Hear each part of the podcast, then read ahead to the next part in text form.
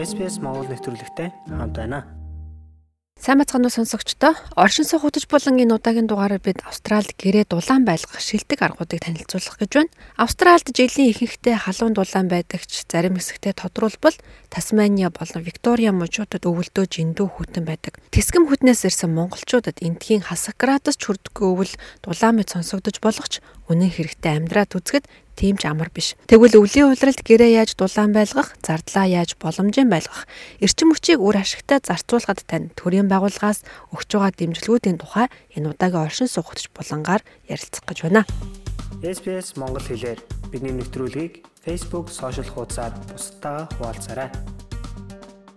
Манай эхний зочин Герман улсад төрсэн Австралид амьдарч байгаа судлаач Свин Тески гэдэг хүн тэрээр Сидней технологийн их сургуулийн доктортой ирээдүйн хүрээлэнгийн захирлаар ажилладаг юм а. Эхлээд би маш хүйтэн орноос ирсэн гэж хэлэх ёстой. Гэхдээ л би хизээч Австралид байгаа шиг гэртээ ийм хөлдөж өөхөх шахаагүй. Учир нь Австралид халаалтын систем нь тиймч нийтлэг хэрэглээ биш. Халаалтын хугацаа маш богино Удлаа гихтэл 3 сарын туршид хүүтэн байдаг. Харин миний ирсэн Европт бол 8-9 сарын туршид хүүтэн байдаг. Тийм болохоор Австральд заавал халаалтын систем суйрлуулах шаардлагагүй байдаг юм байна. Бас нэг мэрэгжлийн хүний тайлбарыг одоо хүргэе. Энэ бол хэрэглэгчийн эрхшгийг хамгаалах газрын дулааны мэрэгжилтэн Крис Барнес юм. Эндээс та Австральд яагаад Монгол шиг нэгдсэн дулааны систем байгуулах хэрэггүй байдгийг бүр илүү сайн ойлгох байхаа. Нэгдсэн халаалтын систем дэлхийн бусад улс орнуудад нэн чухал хэрэгтэй байдаг шиг Австральд тийм ч чухал зүйл биш гэж би боддог. Халаалтын систем гэдэгт олон зүйлийг багтаад за манад хэрэгэлдэг усан болон дээврийн хавтангийн халаага урч бас энэ системд багтах байхаа. Та хэрэгцээнээсээ хамаарч байраа бүхэлд нь халаадаг нэгдсэн систем суулгаж болох юм. Гэхдээ энэ системийн сул тал нь зардал өндөр байдаг. They are relatively expensive to install. Та гэрээ ийм халаалтын системийг хийлгэмээр байгаа бол үр дүнг нь тооцоолох хэрэгтэй. Таны яг дулаан байлгахыг хүссэн талбайгаас илүү халаадаг учраас ашиглалтын зардал өндөр байдаг. Үүний оронд та яг өөрөө байгаа өрөөгөө тусгайлан халааж бусад өрөөг нь халаалтыг нь зогсоох боломжтой хэсэгчилсэн системүүдийг сонгож болно. Бас цахилгаан халаагурч хэрэглээнд байж болох нэг сонголт юм. Харин та байгаль дээлтэй байж ногоон сонголт хийхийг хүсвэл утаа ялгаруулахгүй халаалтын системүүд олон сонголттой. Гэхдээ ихэнх нь суйрлуулалт шаардлагатай байдаг учраас байр түрээслэгчдэд бол тэмж тохиромжтой сонголт бишээ. Харин эрчим хүчний хэмнэлттэй халаалтын нэг бол лулааны насоос ялангуяа нарны хавтангаас авсан захилгаанаараа халдаг халаагурууд юм. Байрны эзэдийн хувьд цахилгаанаар халдаг дулааны носоо сурлуулах эсвэл халаагаараа хэсэгчлэн өргөжүүлэх боломжтой. Хэрв та гэр орноо халаахын тулд цахилгаанаар халаах нь хамгийн үр дүнтэй арга гэж үзэж байвал цахилгаанаа нарны зай халаагаараас авдаг болгоорой. Ийм төрлийн халаагуур утаа ялгаруулдаггүй юм а. Ингэж ногоон сонголт хийх нь урт хугацаанд таны зардлыг хэмнэдэг. Цахилгаанаар ажилдаг халаагуур нарны зайгаар ажилдаг бол танд хэд хэдэн давуу тал авчирна. Жишээ нь та өөрөө цахилгаан үйлдвэрлэж байгаа учраас зах зээлийн үнээс хараат бус байж чадна. Хоёрдугаарт цахилгаан эрчим хүчийг хуримтлуулж болдог. Тийм ч ихч биш ч гэлээ тодорхой хэмжээний хэрэглээгээ хангах цахилгааныг хадгалах боломжтой. Үүн дээр нэмээд мэдээж та байгаль орчиндөө ээлтэй иргэн болж амьдрна. Австралийн энэ том газар нутагт цагаагаарын өөр бүсүүд байдаг. Зарим газар нь өвөлдөө халуун хэвээр байхад зарим нь хүйтэн цастай байх нь ч бий. Тиймээс энэ эрсдэс байдал халаалтын систем эсвэл захилгаан хэрэгслийг сонгоход том нөлөө үзүүлдэг. For a lot of people in in Australia cooling is just as important if not more important. Австральд олон хүмүүсийн хувьд гэрээ халаахаас илүү хүйтэн байлгах нь илүү чухал байдаг. За илүү биш юм гэхэд ижил байхаа.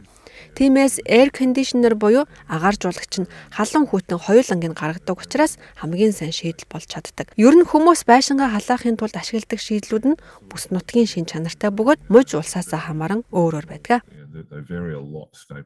Тэгвэл муж нутаг дэвсгэрийн засгийн газрууд айл өрхүүдэд эрчим хүчний үр ашгийг нэмэгдүүлэхэд дэмжлэг үзүүлдэг. Гэрийн халаалтанд чиглэсэн хөтөлбөрүүдэд шинжилэлт хийж за тоног төхөөрөмж худалдан авахд зориулсан хөнгөлөлт үзүүлдэг. Мөн танд санхүүгийн урамшуулал үзүүлж айл өрхүүдэд үн төлбөргүй зөвлөгөөг өгдөг. Бид хэрэгжиж байгаа хөтөлбөрийн тухай мэдээллийг авах линкийг нэвтрүүлгийнхээ тайлбар хэсэгт оруулж өгнө. Яг ийм ажлыг хийдэг Андрю Redway гэдэг хүнтэй бид ярилцлаа. Тэрээр Австралийн эрчим хүчний сангийн ахлах зөвлөхөөр ажилладаг засгийн газартай хамтран түрээслэгч нарт гэрийн эрчим хүчний хэмнэлт дулаан хадгалалтаа шалгахад нь үн төлбөргүй тусалдаг юм. Ингэж үнэлэхэд гэрээ юугаар халааж байгаа болон барилгын онцлогоос их зүйл хамаардаг хэмээн тэр яриагаа эхлүүллээ. Гэр дулаан байхад дулаан хадгалалт маш чухал байдаг. Дулаалга нь зөөлөн сэвсгэр материалаар хийгддэг. Үүнийгээ таазны дээгүүр, дээврийн зайд мөн ханны хөндөө сурлуулах хэрэгтэй. Тэгэхээр хамгийн түрүүнд таазыг нэн тэргуунд сайн дулаалж дараа нь ханаа тэгээд шалны дулаалга чухал юм шүү. Эрчим хүчийг үр ашигтай хэрэглэх нь бас их чухал юм а. Хэрвээ танд яаж гэсэн асуулт байгаа бол ингэж хариулъя. Нэг энгийн алхам бол шаардлагатай хэмжээнээс илүү хэсгийг халаахгүй байх юм. Тиймээс хэрвээ та зөвхөн нэг өрөөндөө амьдардаг бол хаалгаа хааж дулаан хадгалахын тулд зөвхөн тэр өрөөгөө халаах нь зүйтэй. Өөр нэг зөвлөгөө бол тохирох хэмээр халаах. Энэ нь таны эрүүл мэнд болон аюулгүй байдалтай холбоотой бас мөнгөө хэмнэх зөвлөмж юм. Халаагаараа маш өндөр хэмээр ажилуулж байгаа бол таны эрчим хүчний төлбөрийг их хэмжээгээр нэмэгдүүлнэ. Дээр нь мэдээж та хэрэггүй үедээ буюу гадуур гарсан үедээ халаагаараа заавал салгаж байгаарай room really hot, that's going to have a big increase in your energy bill. Ер нь халаалт хөргөлтийн иймэрхүү асуудал нь тухайн байрны эзэдийн сонголт байдаг.